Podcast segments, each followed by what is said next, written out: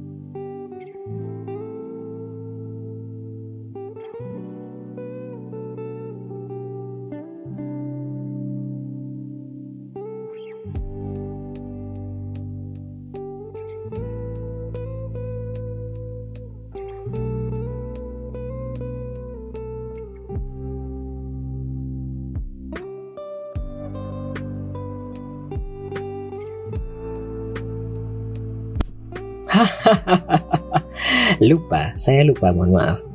Ya, jadi kita tadi baru saja mendengarkan tiga lagu. Ada Better Up dari Baby Monster, ada Four Seasons dari Taeyeon, kemudian ada Beyond the Sea dari Bobby Darin. Maaf, mikrofonnya lupa dihidupkan kembali setelah tadi dari WC.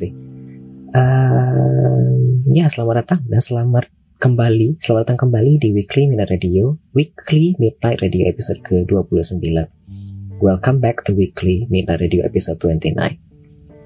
Hmm, seharusnya kita masuk ke segmen kedua yakni bincang-bincang dengan bintang tamu kita pada malam hari ini, Bang Ali.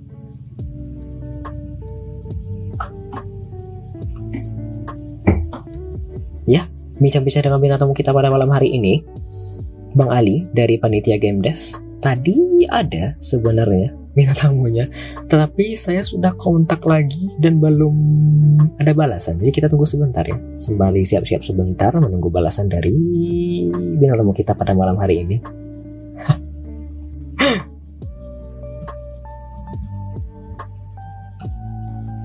So ya, selamat datang, selamat mendengarkan episode ke-29 dari Weekly Midnight Radio. Sebentar ya.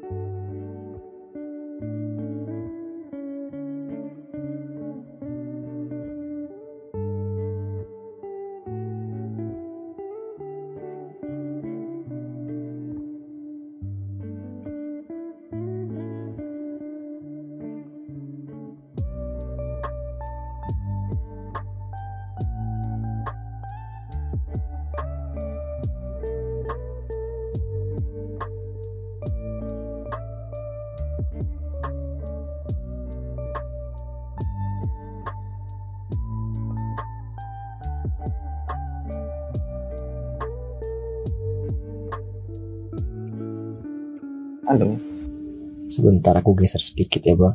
Uh, Terus? bisa aku geser sedikit ya bang.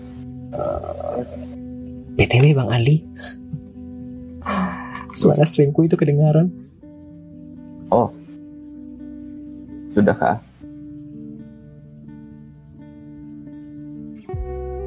Halo, halo.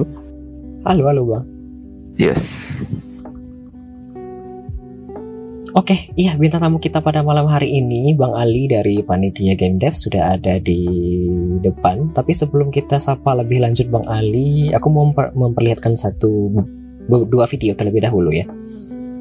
Karena Bang Ali ialah developer game, jadi aku mau memperlihatkan dua trailer dari game yang sudah dikembangkan Bang Ali. Meskipun belum rilis secara resmi ya. Betul kan, Bang? Iya, belum. Oke. Okay. Sebentar ya. Uh, mana? Oh, ini dia.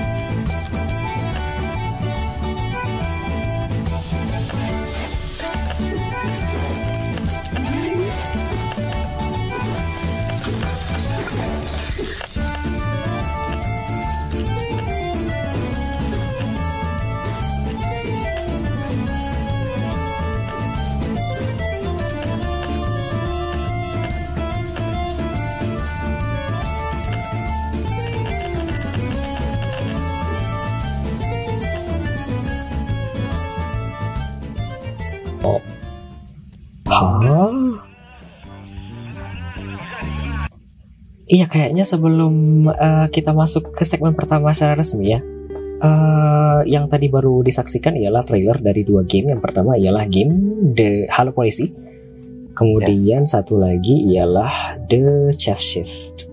Uh, Ini mungkin Bang Ali mau jelaskan sedikit mengenai kedua game ini secara singkat mungkin? Oh uh, gimana ya jelasinnya uh, Jadi gamenya ini sebenarnya banyak dari game-game kita, saya sama teman-teman itu dari uh, hasil game game jam jadi kayak yang pertama kali itu yang pertama kali ikut game jam mungkin yang Halo Polisi ya. Ter, itu uh, yang buat trailernya juga ada yang teman saya namanya Muhammad Muhammad Mentari. Itu ketemuan pas di game jam itu terus habis dari situ uh, kita ikut game jam game jam lain gitu kan ada yang satu lagi nggak ada di sini trailer kita nggak buat trailernya yang Slice and Dice satu lagi terus yang The Chef Chef ini Mm-hmm. Ini kalau nggak salah yang ketiga. Terus ada lagi yang lain kayak pensiun ada cooker, terus ada satu lagi kita baru lagi buat lagi buat game-game game-game gitu kan. Jadi kalau misalnya uh, penjelasan singkat kalau Halo Polisi itu game puzzle ya, gak puzzle isometrik gitu. Kalau yang The Chef Chef ini game masak-masak, tapi harus ngetik. Jadi dan untuk sekarang sih kita yang lagi dikembangin sih yang ini yang The Chef Chef sih. Ya, ya itu iya ini yang dari trailernya banyak update kan ya bang Ali oh, iya dibandingkan yang demonya demonya kemarin tuh kan kita cuman ada satu restoran yang restoran Itali beserta Betul. ceritanya uh, terus yang sampai sekarang itu di yang paling terakhir itu kita ada tiga restoran jadi selain restoran Itali kita ada restoran China, China sama Meksiko. Yang China-nya itu oh. sebenarnya lebih ke dim sum house. Oke. Okay. Yang yang Meksikonya itu yang taco taco truck gitu. Oke. Okay. Ya, rencananya nanti di fullnya itu bakal ada enam restoran berbeda. Jadi sisanya yang belum ada, yang belum selesai itu restoran Jepang, Korea sama Indonesia. Ah, Sebentar aku kayaknya mau prediksi ini nanti Indonesia di level 6 kayaknya terakhir Ariana. Iya betul. Oke. Oke oke oke ditunggu. Yes. Ah, Ya, BTW di sini kayaknya sebelum kita masuk ke segmen pertama, ini aku eh, aku mau cerita sedikit, agak nyerocos sedikit ya, Bang ya. Eh, Boleh, boleh. Cuma aku ketemu Bang Ali itu pertama kali via Reddit. Oh, Iya kan? Aku nggak tahu apakah Bang Ali apa Iya. ingat atau, atau tidak, tapi waktu itu rasanya Iya, iya, Bang Ali posting di kita Reddit, ada ngepost di Reddit. betul. Kemudian Bang Ali kayak nyari seseorang gitu loh, kayak nyobain game dan aku ketemu. Oh, aku iya. tidak tahu kalau ini ternyata game dari Indonesia. Terus bagus kan? Terus aku tertarik. Oh ternyata dari Indonesia. Oke. Tapi sebelum aku tahu ini Indonesia, aku sudah sibuk jor-joran. Cobain game ini dong, cobain game ini dong. Jadi akhirnya banyak teman-teman streamer yang lain juga ikut coba-cobain game ini. Meskipun mungkin Oh. bukan dari aku dan dari aku. Karena aku sendiri suka sebenarnya suka dengan gamenya bagus kan ya. Meskipun dia Hmm. basically kayak gabungin game typing sama dinner dash. Kan genre yang sama-sama menarik dan sudah populer ya bang. Iya, game typing sebenarnya nggak begitu populer sih. Nggak terlalu banyak game typing yang ada di pasaran sih. Betul. Mas Adli main game The Chef Ship itu nggak sampai tamat katanya susah. Nggak anda jangan jangan berkata-kata dusta. Saya selesai. Meskipun di level terakhir itu saya menyerah ya sedikit demi sedikit. Tapi saya bisa. Mohon maaf. Oh, Ya itu juga salah satu problem juga sih. Itu kita banyak yang bilang itu kesusahan. Karena kita ngetesnya berdasarkan skill developernya ya. Nah makanya abis dari tes itu kayak eh, update paling barunya nanti bakal digampangin sih. Tidak ya, tidak. Saya selesai level terakhir meskipun berulang-ulang kali. Mohon maaf. jangan jangan berdusta. BTW Bang Ali, Bang Ali kalau misalnya boleh Ya. apakah mic-nya boleh didekatkan ke Oh, terlalu kecil ya? Iya, kadang-kadang berisih kan ya, kadang-kadang Oh, tidak. Aku juga selesai. Iya, BTW kalau misalnya Bang Ali kepo di antara beberapa Ya, viewer dan penonton saat ini banyak yang sudah mencobakan demo dari The Chef Ship juga dan mereka Oh. juga suka Oh, sebenarnya. thank you, thank you, thank you sudah nyobain game kita. Sebentar ya, Bang. Eh, Yes. Gak banget, aku juga selesai. Kesusahan kah rata-rata atau oke-oke saja? Karena kebanyakan pas aku nyobain itu banyak yang bilang susah sih. Racuni sama Mas Adli. Ini mulut manis doang kayaknya, tapi ya boleh lah. Yang difficulty mentok sih susah ya. Ada simbol-simbol segala. Oh iya. Ya yang simbol juga orang banyak protes sih katanya. Kalau bisa ada opsi buat matiin kalau bisa ya itu mereka kayak request untuk ada option gitu untuk bisa dimatiin gitu. Oke. Sebentar ya Bang Ali, aku pindah scene sebentar. Biar bisa oke. masuk ke segmen pertama secara resmi. Mana ini klip? Yos. Nah, sudah lebih besar dari yang sebelumnya. Eh, Mana ini? Oke. Jadi kita masuk dan perkenalan terlebih dahulu ya. Eh, Mhm. Bintang tamu kita Boleh, pada malam hari ini, eh, Bang Ali, salah satu Halo. dari tim panitia game dev. Betul kan ya, Bang? Betul betul.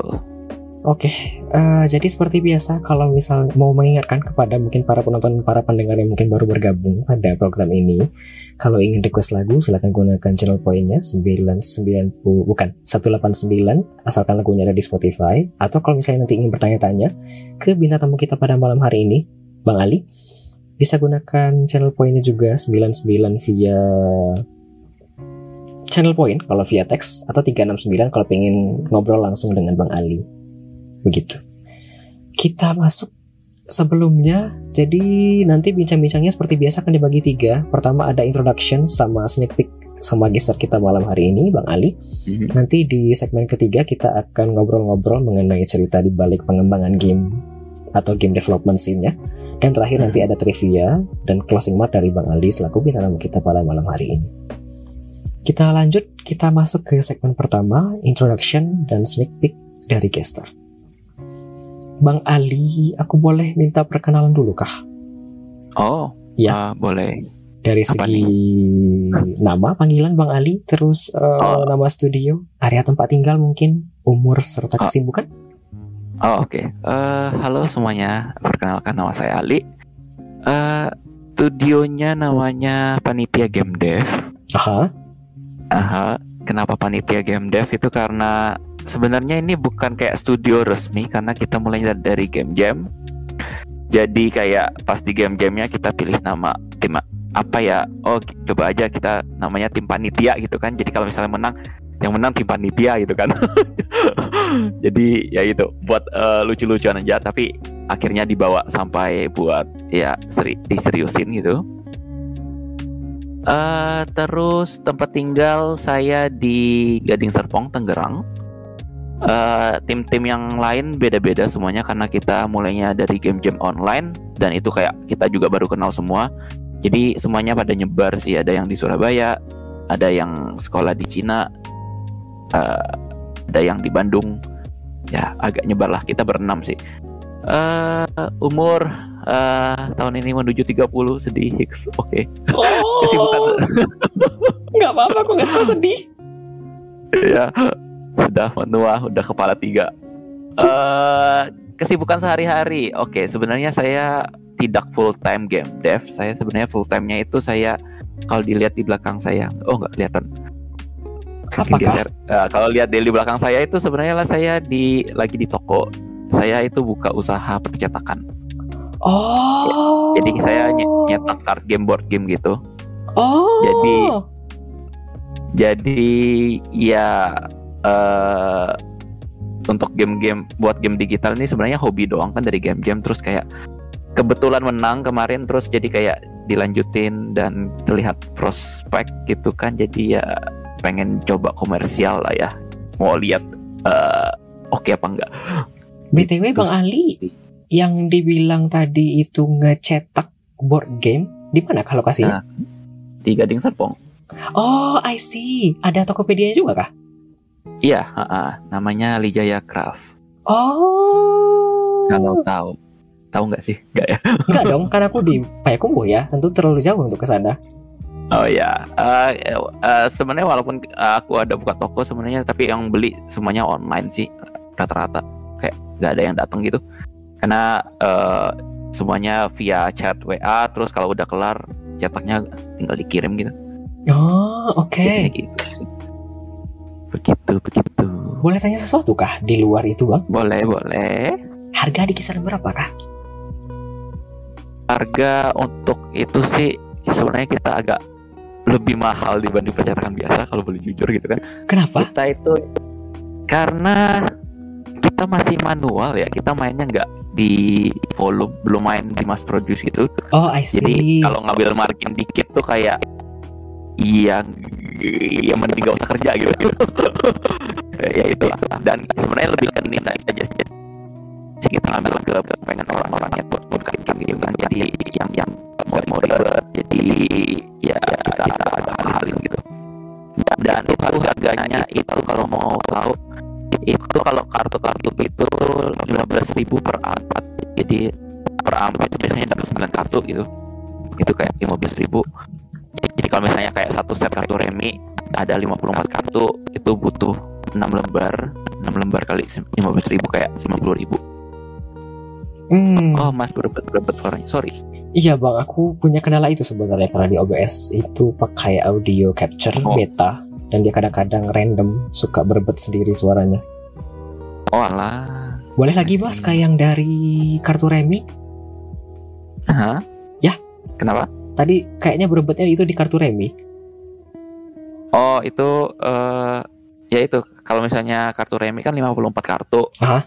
Artinya itu tuh sekitar 6 lembar A4 jadi ya 6 kali 15 ribu 90 ribu. Oh, I see. Kira hitungannya gitulah. Ya. Ah, BTW Bang Ali, sebelum aku masuk ke pertanyaan selanjutnya tadi sebenarnya ada pertanyaan dari viewer. Siap, oke okay, apa? Sebentar ya. Kalau mau dijawab boleh. Mhm. Ini pertanyaan dari Nusa Kira. Tadi Nusa Kira bertanya via channel Point menanyakan lapar nggak bang? Oh, uh, barusan makan sih tadi makan bubur. Ih bubur? Iya, uh, ya nggak tahu sih di sini ada jualnya apa, gue makan apa lah. Pengen bubur, ya udahlah. Oke. Okay. thank you, thank you sudah nanya. Kita lanjut bang ke selanjutnya pertanyaan dari aku. Boleh, boleh. Karena tadi dibilang panitia game dev ini basically kayak bukan studio sih, tapi kayak gabungan tim kan ya yang dibikin gara-gara game jam. Ya, Ada arti kah dari nama panitia game dev? eh, ya itu sih panitia. Jadi tim panitia sih sebenarnya untuk eh, lucu-lucuan sih. Biasanya kan kalau ikut kompetisi kan banyak nama tim aneh-aneh gitu kan. Aha. Ya, ya itu sih. Jadi bikin tim panitia. Jadi kalau misalnya menang yang menang tim panitia kan orang pada bingung kan kok panitianya yang menang gitu atau apa. Gitu. Oh, I see. udah gitu doang gitu. Terus ke bawah ya udahlah Eh, abis karena karena kita kayak mau cari publisher kan terus ini mau bawa nama studio apa ya udahlah pakai nama tim se- yang sebelumnya lah juga nggak kepikiran mau bikin nama apa yang serius gitu ya udah lanjut aja dulu Oke. Berapa orang kah bang di balik eh, studio ini? kita, kita berenam jadi ada tiga programmer tiga artis Oh, I see. Co-foundernya langsung ke enam-enamnya kah? I- iya sih harusnya karena ya bagi rata sih karena kan kita mulainya dari game jam terus kayak eh, lanjut diseriusin ya dari game jam ya enam orang ya lanjut jadi enam orang ya udah sih itu co-foundernya semua sih Hmm, oke. BTW Bang Ali, ini ada pertanyaan lagi Hmm. dari viewer di chat room. Bazelar menanyakan, apakah board game yang diproduksi tersedia di kafe-kafe yang menyediakan board game? Oh, eh enggak sih rata-rata yang beli di tempat aku tuh biasanya perorangan gitu bukan board game cafe hmm, karena biasanya yang uh, kafe-kafe board game tuh kan dia mending beli board game yang udah langsung jadi ya yang yang official lah. Aha, dan biasanya yang cetak di tempat aku tuh either gamenya itu nggak ada di Indonesia. Jadi kayak atau out of print lah gitu. Kayak kalau mau beli susah gitu kan di Indonesia nggak ada. Hmm. jadi dia cetak sendiri. Atau biasanya kebanyakan sih mahasiswa yang ngerjain tugas akhir gitu. Ya dan dia ngebuat board game. Jadi biasanya cetak di tempat aku gitu gitu kejauhan tapi aku baru tahu sekarang. Aku sebenarnya skripsi aku dulu bikin board game. oh oke ya begitulah Ah, tapi aku biasanya itu banyak yang buat board game Iya, aku dulu bikin board game. Skripsiku bikin Ludo, Ludo kimia. Tapi karena tidak ada yang ah karena tidak ada yang bikin, jadi aku bikin sendiri dan pakai bantuan tukang fotokopi doang. ah oke ya bisa juga sih Ah, kita lanjutkan, Bang Ali. Sebenarnya aku tadi mau Iya. tanya sesuatu terkait ini. Aku kan Ah, ah. agak ngulik-ngulik sedikit dulu ya nama Bang Ali di Hah? internet. Itu kayaknya punya Oke.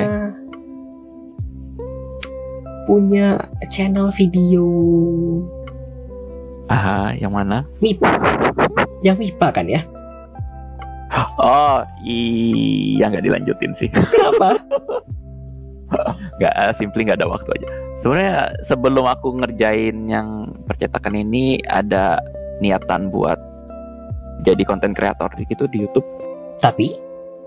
Tapi tapi dari situ kan mikir kan kayak konten kreator YouTube tuh biasanya eh, income-nya dari mana? Gue mikir oh merchandise gitu kan. Terus ya udah kenapa gua gua nggak bikin percetakan sendiri gitu? Kan jadi bisa bikin merchandise sendiri. Terus kayak agak jauh gitu kan kayak ya udahlah.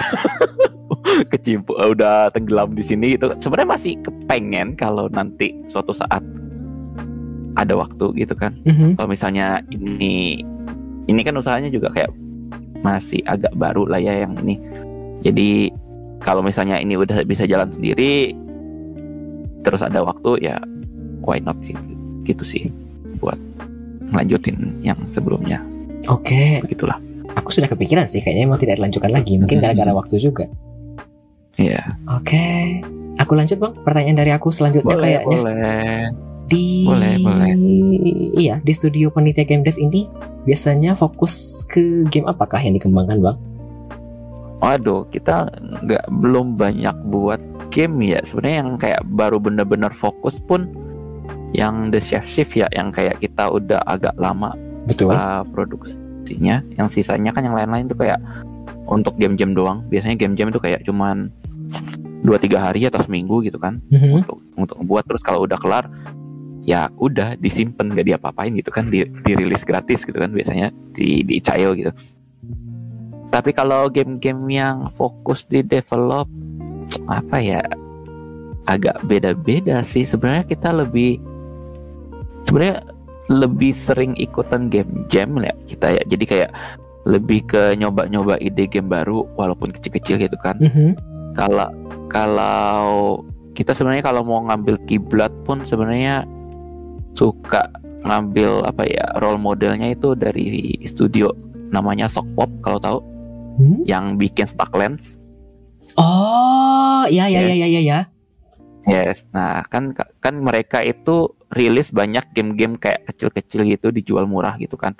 Dan itu tuh katanya sih eh, salah satu strategi yang oke gitu untuk pemula dengan resiko yang sangat kecil, yang lebih kecil lah dibanding yang biasa gitu kan. Kalau nggak salah kan mereka kan bikin game itu kayak sebulan satu jadi gitu kan. Kalau nggak salah Ya, ya aku pernah baca. seingat gua. jadi kalau nggak salah dia empat orang sebenarnya, empat orang. Jadi tiap-tiap orang tuh buat satu game. Jadi kayak dia rilis satu bulan satu. Jadi satu gamenya itu kayak bisa empat bulan gitu kayak. Jadi empat bulan. uh, habis itu uh, kan ada empat orang. Jadi kan empat bulan tuh bisa empat game terus dirilis sebulan satu gitu. Oh. Ya, ya gitulah. Intinya lebih cepat lah dibanding kayak studio-studio indie kebanyakan kan kayak bisa dua tahun baru ri- rilis satu dan itu pun belum tahu sukses apa enggak gitu kan. Betul, gamenya betul. gitu. Ya. Eh, ya itu sih sebenarnya kita juga yang ini The Chef Shift udah terhitung agak lama karena kita nggak full time juga sih ngerjainnya. Udah satu tahun. Ya, rencana rilis sih tahun ini sih. Semoga di mungkin pertengahan tahun sih. Oh, oke. Kalau nggak terlalu lama nih harus dirilis Oh, ada pertanyaan lagi, Bang Ali dari viewer. setelah Ya, Bazal menanyakan apakah ada board game buatan sendiri yang sudah public release? Adakah?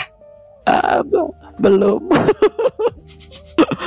kalau board game yang sendiri eh, baru mentok sampai prototype sih karena karena juga rilis board game tuh lebih susah ya karena pertama harus printing terus harus marketing buat jualin itu kayak eh, lumayan sih modalnya Oh, I see. Dan it- dan pasarnya pun kalau kalau game kan bisa ngincer pasar luar ya karena digital orang luar bisa beli kalau Betul. kalau benda fisik itu hampir ke- terbatas ke pasar lokal dan pasar lokal untuk board game tuh kayak nggak gitu banyak lah belum belum banyak sih Betul, betul, betul. Dan niche kan ya, Bang? jadi ya iya eh, lumayan dan dan itu kayak kalau kita jual board game di lokal orang-orang yang penikmat board game pasti bandingin board game kita dengan board game luar kan yang masuk board game impor lah ya Hmm, betul. dan itu tuh pasti dibandingin harganya kan dan kita tuh karena nyetak dikit susah ngepres harga gitu terus jadi kayak dibandingin oh mending gua beli board game impor lebih murah gitu kan. Karena ya iya karena karena mereka bisa murah karena bisa produce banyak kan. Hmm, mereka mass produce. Oh, kalau kita kan nggak berani ya untuk mass produce belum tentu bisa kejual gitu. Betul. iya gitu gitu sih. Agak susah sih jadi ya baru sebatas prototype lah iseng-iseng doang buat hobi doang sih kayaknya. Untuk komersial belum sih untuk board game. Hmm, oke. Bang Ali the chef the, the chef chef ini kan menang di game jam kemudian dapat pendanaan kan ya di Toge. yes betul Terima kasih sudah menjawab Pak Ali. yo sama-sama Kemudian ini plannya berarti untuk rilis tahun ini kan ya dengan pendanaan yang, yang diberikan. Apakah nanti berarti akan komersial berarti kan ya tujuannya? Iya har- harusnya komersial sih harus eh, harus komersial sih pengen cari cuan sih yang ini. Eh, jadi pendanaan yang kemarin yang dari Toge itu namanya eh, jadi mungkin singkat cerita jadi eh, game The Chef Chef itu kan ikut game jam dan game jamnya sebenarnya game jam eh, internasional namanya game jam plus. Jadi dia finalnya ada di acara offline di Brazil jadi kayak kita sempat keundang di sana jadi kayak kita kirim satu perwakilan Mhm. dari tim kita ke Brazil terus eh, ternyata menang kita juara pertama. Ya, Game of the Year lah intinya. Ya di Game Jam Plus Brazil gitu kan. Oke. dan menang lumayan banyak penghargaan gitulah. Itu terus kita sempat coba-coba sebarin ke publisher-publisher gitu kan. Mhm. Eh, salah satunya itu eh, Toge tapi bukan sebagai publisher tapi Toge Toge Production itu dia ada program namanya Toge Game Fund Initiative. Mhm. Jadi dia ngasih 10.000 USD buat ngembangin game sampai demo doang. Katanya sih sampai demo doang. Tapi kan game kita sebenarnya udah sampai demo gitu kan. Tapi kita tetap tetap ajuin buat dapat duitnya. Ternyata keterima gitu kan. Terus kita ya kembangin aja. Jadi untuk yang ini eh, Toge bukan sebagai belum sebagai publisher sih. Jadi kayak dia kasih grant aja jeder gitu kan eh terus di mereka dapat apa? Mereka tuh dapat jadi kalau kita itu nggak boleh cari publisher lain sebelum eh, program ini kelar. Jadi pas program ini kelar kita harus approach Toge sebagai publishernya dulu. Kalau mereka nolak baru kita boleh cari publisher lain untuk gamenya. Ah. ya jadi kayak mereka dapat hak pertama kali buat decide mau publish ini atau enggak Ah. gitu. Tapi kita mikir ya oke lah 10.000 USD kayaknya cukup buat beberapa bulan gitu kan kita develop gitu kan. Karena ya kalau tidak ada finansialnya kayaknya agak susah juga kita kan. Betul betul. yes. Terus eh, habis dari situ eh, Desember kemarin programnya kelar TGF-nya kelar TGFI-nya kelar. Kita udah pitching lagi ke Toge untuk eh, apa? Untuk jadi mau nggak jadi publisher kita gitu kan kita minta sekian gitu kalau nggak salah kita mintanya sekitar 50 ribuan 50 ribu USD kalau nggak salah Oke. itu eh 50 ribu USD eh belum dibales sih nanti It- eh, katanya sih Januari ini sih Januari tengah atau Januari akhir gitu baru kayak dibales keputusannya mau terima atau enggak gitu That's a lot of itu money. 50k. Iya bagi enam orang. Iya sih lumayan sih. Tapi kalau misalnya dibilang untuk game dev secara general itu tuh kayak bisa dibilang kayak angka yang kecil lah. Oh. kalau misal dibandingin dengan yang lain ya. Yang lain itu kadang-kadang tuh bis- biasanya untuk game indie itu sekitar 100 sampai 300 ribu. Satu bang. Ya? Satu. ya satu game ya ya kan tinggal kalau sebenarnya gampang hitungnya tinggal dibagiin per bulan dibagiin per orang kan aja gitu kan Oh. misalnya U- UMR aja berapa ya Eh, terus dikali aja banyak berapa banyak orang berapa berapa bulan gitu kan sebenarnya emang nyampe segitu sih nah yang kita tuh kayak ngitungnya kemarin tuh agak ya kita kita coba aja ngitung sih. Sebenarnya kalau misalnya kita mau mepet-mepetin gitu kan ke UMR gitu sebenarnya bisa kurang dari 50.000 ribu gitu kan. Tapi gua tanya-tanya ke teman-teman game dev yang lain itu 50.000 ribu aja sebenarnya udah kecil gitu kan. Kenapa mau dipepetin lebih kecil lagi gitu? Hmm. jadi ya kita coba naik-naikin supaya ya at least ngepas 20.000 ribu lah. Oke. sekitar 50 ribuan. Iya sebenarnya itu juga karena 50 ribu juga ada kayak eh, translate apa translate dan itu sebenarnya kita udah hitung quote unquote murah untuk jasa translasi ya biasanya jasa translasinya itu wow lumayan mahal gitu Iya betul. Mahal. Lokalisasi itu kan Ya, mahal ya ya? translasi.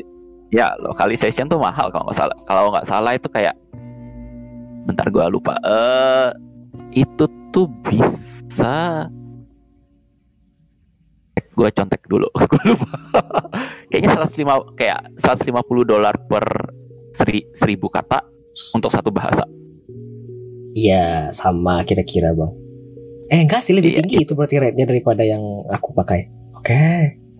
ya ya itu itu yang kayak ya 100 sampai 150 USD lah per seribu kata dan itu itu yang bisa dibilang quote unquote yang kayak profesional gitu kan Betul. tapi sebenarnya kalau misal kita mau cari yang murah kayak di Fiverr itu bisa kayak 15 dolar gitu per seribu kata itu kayak No. bedanya 10 kali lipat gitu kan Ya Allah. ya atau ya terus kita kayak kayak hitungnya cuman ngambil rata-rata kayak well ya mungkin ya sekitar 50 mungkin atau 15 dan itu nyampe ujung-ujung 50 ribu gitu kan USD kalau misalnya kita hitung yang mahal yang 100 do, 100 sampai 150 dolar itu bisa berapa gitu?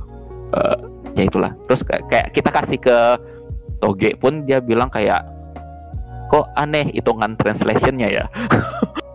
Kok kayak apa dikit gitu kan karena karena itu kan. Jadi katanya disaranin ya kalau misalnya mau approach publisher ya cuman cantumin aja kira-kira total jumlah kata yang bakal ditranslate itu ada berapa gitu kan biar mereka yang bisa hitung gitu. Karena biasanya mereka yang lebih tahu mau hitungnya berapa gitu ya 15 gitu. per seribu itu terlalu aduh aku kesel denger ya bang selaku orang ya, yang juga translasi gitu. wah murahnya biasanya lu rate-nya berapa Aku dari 0,08 sampai 0,1 bang per kata. Jadi seharusnya ya 100 10. per 1000. Eh? 10 per 100 ah? kan? Kira-kira. 0,01 per kata. Eh bukan. 0,1 0,1 per kata 0, atau 0,08 paling bawah. Oh artinya 80 sampai 100 ya? Betul per 1000. Yes. Itu kan ya, masih itu yang yang normal, yang yang profesional lah. Betul. Sekitar situ itu kan masih tapi makanya kita juga mm-hmm. masih maklum ya bang ya tapi kalau 15 dolar per seribu mm. aduh aku nggak mau ya ya itu itu ya itu terga, tergantung sih maksudnya kayak ya itu sih maksudnya di Fiverr aku cari-cari kayak well ada gitu kan kayak wah kejamnya Bang Ali, ya, btw ini ada pertanyaan ya. lagi, tapi aku mau yes. tanya sebentar. Uh, boleh boleh. Discord Bang Ali pakai filter kah? Audio dan videonya? Kayaknya enggak sih. Kenapa emang? Agak berebet-berebet sih sebenarnya, agak sendat-sendat gitu. Apakah Mungkin... mau setting-setting dulu sebelum aku lanjut ada pertanyaan? Ini pertanyaannya menarik. Bentar. Kalau mau pindah ini... industri. Tes. Oh ya, berebet-berebet kah? Internet gue jelek kah? Sebenarnya karena ini gue kayak pakai dari HP Android terus dikonek ke PC eh ke komputer gitu buat kameranya. Karena karena desktop gua kagak ada kamera webcam gitu jadi pakai HP oh I see. Atau mending gua langsung di HP ya? Hmm tapi HP gua kagak ada mikrofon jacknya jadi kayak susah. Jadi ya udahlah gini aja baiklah kita balik lagi. Uh, bang Ali tadi ada pertanyaan menarik dari viewer. Ini Joe underscore Nathan menanyakan kalau full stack developer gitu ada opportunity nggak di studio game development? Full stacknya itu maksudnya dari web development ya. Ngerjain front end web uh, front end sama back end ada ada aja sih sebenarnya tapi kayak untuk game itu agak jarang untuk back endnya karena ya tergantung gamenya sih. Kalau game mobile mungkin ada ya. Kalau misalnya kayak game yang gacha-gacaan segala macam atau game yang ada in app purchase segala macam maybe ada. Tapi kalau game premium game premiumnya maksudnya yang game di Steam yang sekali beli orang beli yang kagak ada live update segala macam gitu mm -hmm. itu agak jarang kelihatan yang harus ada back endnya gitu sih. Tapi misalnya programmer sih dari web dev iya ya kalau misalnya sebenarnya ya kalau dari web dev kalau mau belajar uh, engine-nya dan bahasa pemrograman baru sih ya bisa-bisa aja sih menurut gua sih. Lapar gak bang? Sekarang saya mulai lapar. yes. Karena makan bubur doang, Bang Ali? Iya. Mungkin gua nyemil lagi nanti. Boleh. Ya. Tapi aku ngelihatnya gini bang, kalau misalnya hmm. mau pindah industri ke game develop, per seharusnya banyak ya. Cuma kan, aduh, Mungkin cari koneksi dulu ya bang. Hmm, sebenarnya kan cari koneksinya nggak gitu susah sih sebenarnya karena uh, untuk komunitas game dev itu di Indonesia itu kecil jadi kayak kayak kecil sih kecilnya kecil gitu kan jadi kayak ketemu itu itu aja ya, masuk ya sekali lu masuk komunitasnya lu udah kayak ken bisa kenal semuanya gitu. Hah? Ting uh, tinggal join Discordnya aja misalnya gitu kan. Ada ada game developer Indonesia gitu kan. Ada I, IGGI Indonesia Game Indie Game Gathering Indonesia gitu lupa gue ya IGGI gitu kan. Terus acara eh, acara-acara yang ada game developer datang gitu kan buat say hello aja sih basically tapi kalau misalnya untuk kayak apa namanya kayak lapangan kerja di game dev dikit sih kayaknya menurut gua. Yang kayak aktif untuk hiring tuh nggak gitu banyak gitu kayak makanya kayak kayak studio-studio kecil kayak Mojiken kayak gitu pun walaupun gamenya sukses kayaknya mereka tidak tidak aktif hiring gitu kan. Toge pun kayaknya tidak aktif hiring gitu kayak uh, apa mungkin ada tapi gua nggak tahu gitu tapi tapi jarang keliat job posting gitu biasanya yang ada posting tuh kayak antara studio baru Mm -hmm. atau yang kayak Agate sih Agate sih gede kan mereka banyak project Betul. gitu dan projectnya B2B sih biasanya yang kayak itu gitu sih Mojiken Gitu. teh kecil. Mojiken Bukannya sudah bernama ya kira-kira?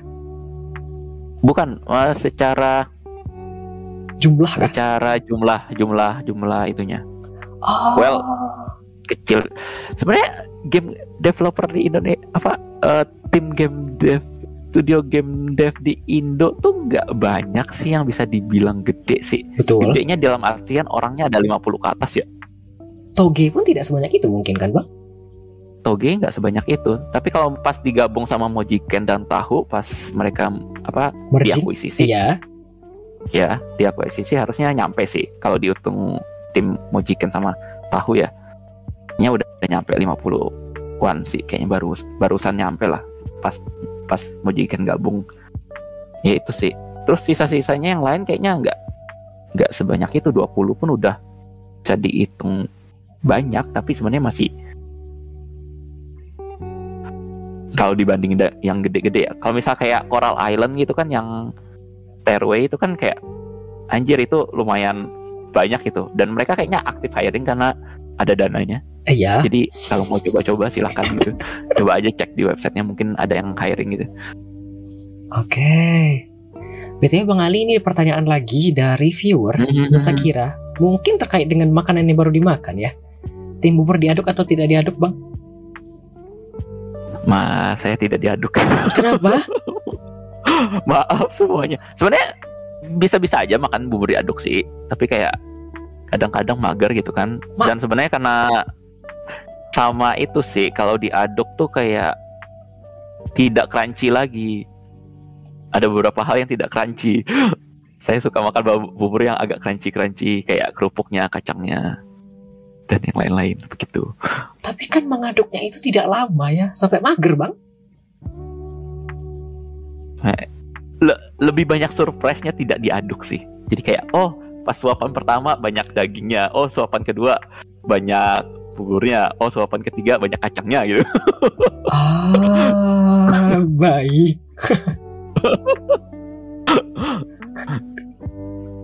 Ada saja ya Tuhan. Oke, kita lanjut Bang ke pertanyaan aku selanjutnya. Sejak kapan Yosh. dan kenapa panitia game dev memutuskan untuk mengembangkan game Bang? Sejak kapan? Udah banyak kayaknya kan ya? Eh sebenarnya yang yang tadi tadi ditunjukin itu belum dalam nama panitia game dev sih. Sebenarnya yang panitia game dev itu cuman The Safe Chief ya. Yang sebelum-sebelumnya kan game-game game-game lain dengan tim yang lain gitu. Timnya beda. Kayak Halo Polisi itu tuh ada satu yang sama eh, Mentari gitu kan. Aku sama Mentari itu udah ikut tiga game jam. Jadi yang Halo Polisi, Slice and Dash sama The Safe Shift. Mhm. dan itu yang pas halo polisi itu timnya empat orang. Jadi aku mentari sama dua orang lain programmer. Dan itu tuh nggak eh, nggak ngerjain the safe shift. Nggak ngerjain the safe shift. Sama pas yang slice and dice itu aku mentari sama satu orang programmer lain. Dan itu juga nggak ngerjain the safe shift itu. Jadi ya gonta ganti sih.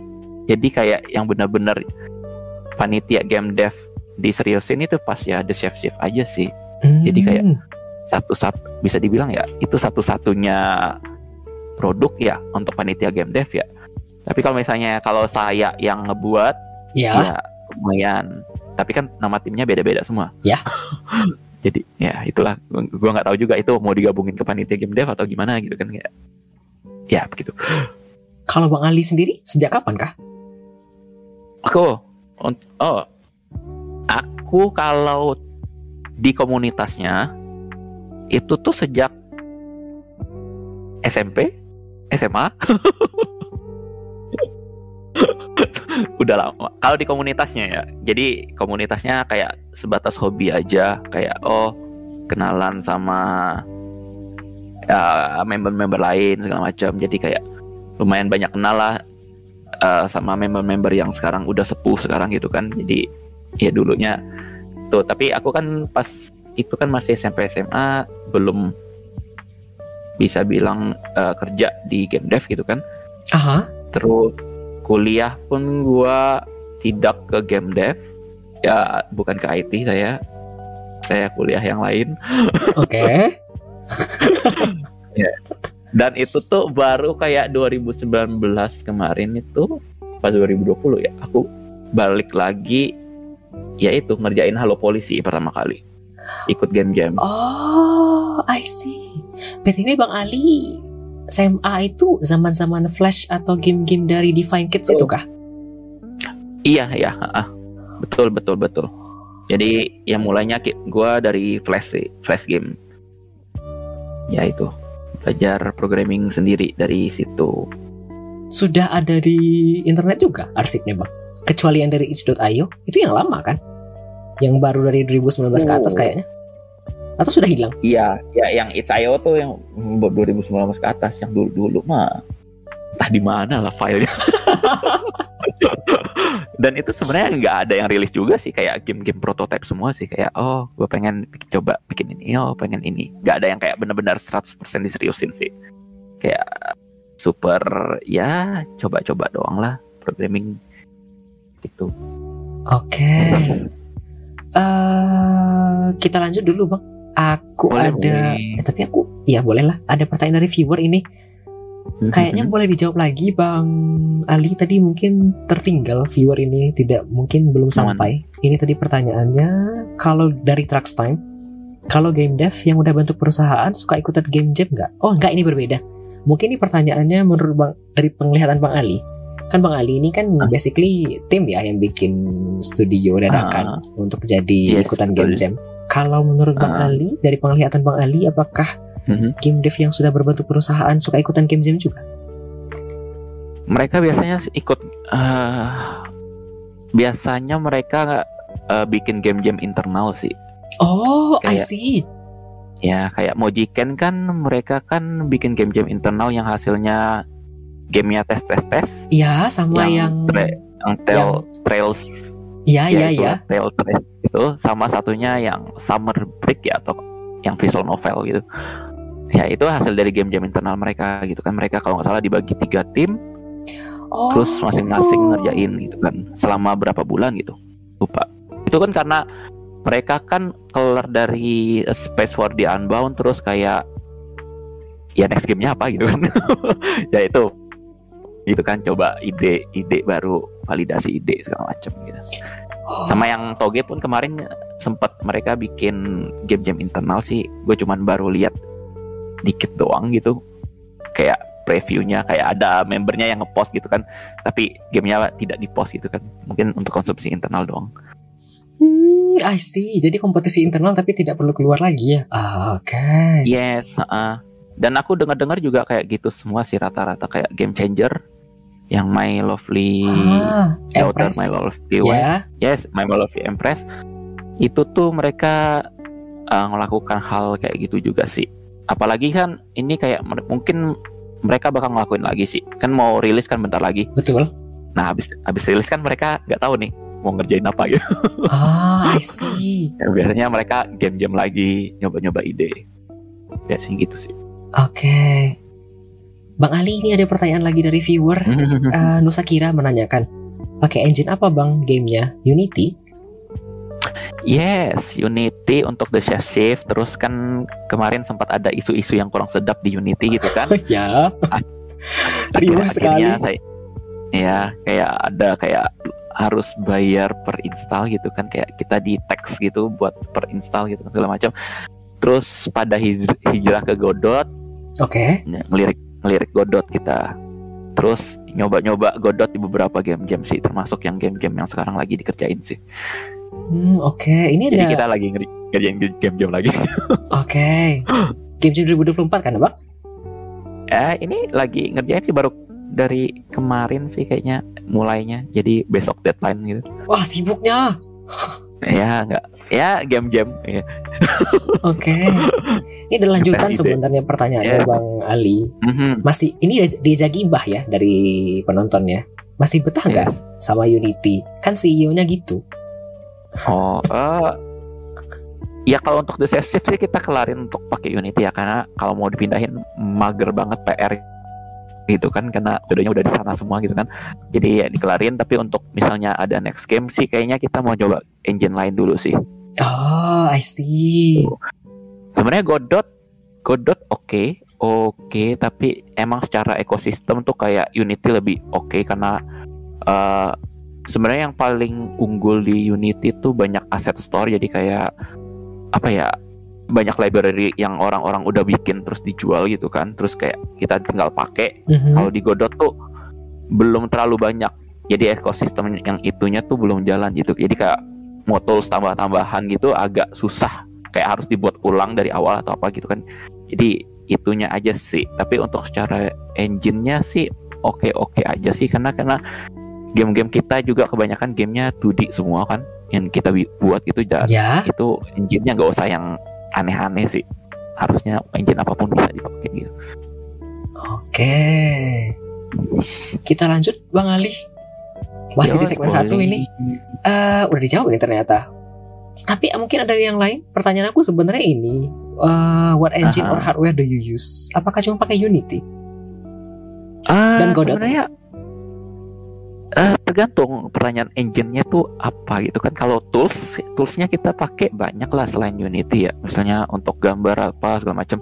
Dan sebenarnya untuk kalau untuk tools untuk gambar sih, aku serahin ke masing-masing artis karena dari tiga tiga artisnya tiga tiganya pakai tools yang beda gitu kan. Hmm, Ada oke. satu pakai eh Sai, Sai bukan sih, bukan Clip Clip Clip Pen Studio, ada yang pakai Photoshop, ada yang pakai Inkscape. Ya udahlah, yang penting hasilnya jadi PNG gitu kan kasih ke gua gitu kan. Oke. Itu eh, kalau misal tools tools lain itu paling di Fmod kalau tahu Apa bang? Aku putus. FM FM mode? Fmod ya Fmod FMOD Oh, itu oke. tuh kayak apa ya? Jadi untuk nge-handle audio itu biasanya game-game atau apa tuh dia pakai itu gitu. Tuh supaya lebih gampang apa ya nge-handle audionya lah. Jadi kayak misalnya kalau lu kalau biasanya di game-game RPG kalau misalnya kalau lu masuk gua bunyinya itu kayak dalam gua gitu ada reverbnya segala macam terus kayak ngatur Oh, soundnya segala macam atau misalnya pas masuk battle terus lagunya itu sama cuman dia lebih intens atau apa. Biasanya itu kayak itu itunya tuh bisa diatur dari situ gitu. Itu lebih kayak menggampangkan. Sebenarnya the Safe Shift tidak sampai sekompleks itu tapi ya udahlah kita coba aja gitu. Gitu. Oke. sama terakhirnya tools sebenarnya teknologi atau tools yang kita pakai tuh itu untuk the chef shift itu kita ada pakai Inkel Inkel itu jadi jadi gimana ya kalau buat naratif di di game itu tuh gimana kayak kita buat branchingnya segala macam ngatur variabelnya segala macam itu tuh bisa pakai tools apa aja bisa buat sendiri tapi kita pakai Inkel Inkel tuh kalau tahu game yang pakai Inkel tuh kayak Heaven's Fall. Oh, aku kayaknya pernah denger. Oke. Heaven Fall atau 80 days 80 days around the world gitu. Oh, oke. game yang game-game kayak gitu tuh dia pakai kayak gitu karena dia lebih memudahkan. Misalnya oh eh, dia branching ke abi kalau kita pilih ini dia branching teksnya apa? Kalau pilih ini branching teksnya apa? Segala macam. Gitu gitu gitu sih. Gitu Oke. udah sih kayaknya itu aja sih kayaknya menurut gua ya Oke. Bang Ali ada pertanyaan lagi Hmm. ini, tapi sudah Ya, sure. terganti ini overlaynya. Tadi ada pertanyaan dari Nusa Kira. Eh, Nggak nyoba 3D kah? Gak nyoba 3D kak Eh, nggak bisa Kenapa? saya tidak bisa 3D sebenarnya gini sih lebih ke eh, bikin 3D itu susah susah jadi bagusnya. Hmm. Gimana ya jelasinnya ya? Kadang-kadang tuh kalau 3D dibikin kayak kalau skillnya masih kurang kayak gua atau yang misalnya kurang pengalaman lah, itu hasilnya itu tidak pleasing gitu untuk artnya ya. Maksudnya antara ternyata kayak terlalu simple kalau misalnya mau realis kayak susah juga gitu kan mau mau stylistic juga susah gitu kan. Kalau 2D tuh eh lebih gampang aja sih secara resource gitu kan. Kayak dan juga kebanyakan artis yang bis, yang ada tuh bisanya ngerjainnya ilustrasi 2D gitu. Jadi ya Iya 2D aja sih. Sebenarnya aku juga sih secara personal sih sukanya game-game 2D ya. Gua agak jarang suka game 3D gitu. Ada pun yang game 3D pun yang kayak tampilannya stylistik atau yang kayak statis bukan kayak FPS atau kayak third person gitu sih. Biasanya kayak yang kayak game 3D tapi tampilannya cuma top down doang dari atas gitu kan. Tapi objek-objeknya 3D itu biasanya kayak misal game-game strategi gitu kan itu oke okay gitu kan tapi kalau misalnya kayak FPS gitu kayak aku jarang main dan kayaknya nggak bakal ngerja nggak bakal bikin game yang kayak gitu juga sih aku nanti Hmm, oke oke oke Eh, kita kembali, Bang. Eh, tadi ada pertanyaan Mhm. dari viewer juga. Mhm. Trucks Time tadi bertanya, prefer Mac atau Windows buat game dev? kalau saya sih sekarang lagi pakai Mac ya Oh. sama aja sih sebenarnya mau pakai Windows Mac sih enggak sih sebenarnya saya saya pakai Hack- Hackintosh sih jadi Hackintosh tuh yang kayak eh, hardware-nya lu rakit sendiri terus lu insta- installin Mac gitu Oh, I see. Ya, jadi kayak rasa Mac tapi setengah harga gitu kan. Oke. Eh, Nah, mumpung... Yes. Ya, Bang. Enggak enggak, lanjut lanjut lanjut. Oke, mumpung belum ada pertanyaan lagi dari viewer, aku... Oh, abis. Ya, tidak ada pertanyaan lagi di segmen satu. Hah! Wah, sini gua bantu modeling, modeling gua murah. Wah, Iya bang, menarik. sebenarnya ini aku nggak tahu kalau misalnya bang Ali kepo, tapi Nusa Kira ini salah satu artis, makanya aku kasih badge artis di channelku. Ah. Dia Halo, bisa halo. bikin apa ya? Kayak gambar 3D gitu loh bang. Aku tak tahu menjelaskan istilahnya apa. Tapi kliennya biasanya orang luar dan orang dalam itu bagus, cantik. Oh lah. Nah, gua bikin 3D tuh susah. Pertama tuh susah modelingnya. Ini sih susah bikin asetnya, susah animasinya gitu kan. Aha. Eh, le- lebih banyak problemnya dibanding dibanding value yang didapat. Oke. ya itulah intinya intinya researchnya agak susah sih kayak gue belum berani untuk nyentuh 3D sih untuk sekarang Oke. Bang Ali, Yes, ini ada yes. pertanyaan lagi dari viewer. Nusa Kira menanyakan, ah, tim Yes. Indomie atau mie sedap? Bang Ali? maafkan saya mie sedap Kenapa? apa ya ada rasa yang nggak ada di ada rasa-rasa di mie sedap yang nggak ada di mie Indomie sih Lebih banyak variasi nggak sih bang? Sama lebih asing Iya gitu? lebih banyak variasi yes heeh. itu sama yang Indomie itu terlalu vanilla rasanya Oh, yang goreng? Iya yang goreng kayak yang goreng yang kari itu kan kalau misalnya yang sedap tuh ada kari kental gitu Ah segala macam betul, gitu kan. ada kari putih, ada kari Indom- kental, kari ayam. Iya, ya gitu-gitu. Karena ya suka Aku juga. ya. Mantap. Wah, oke.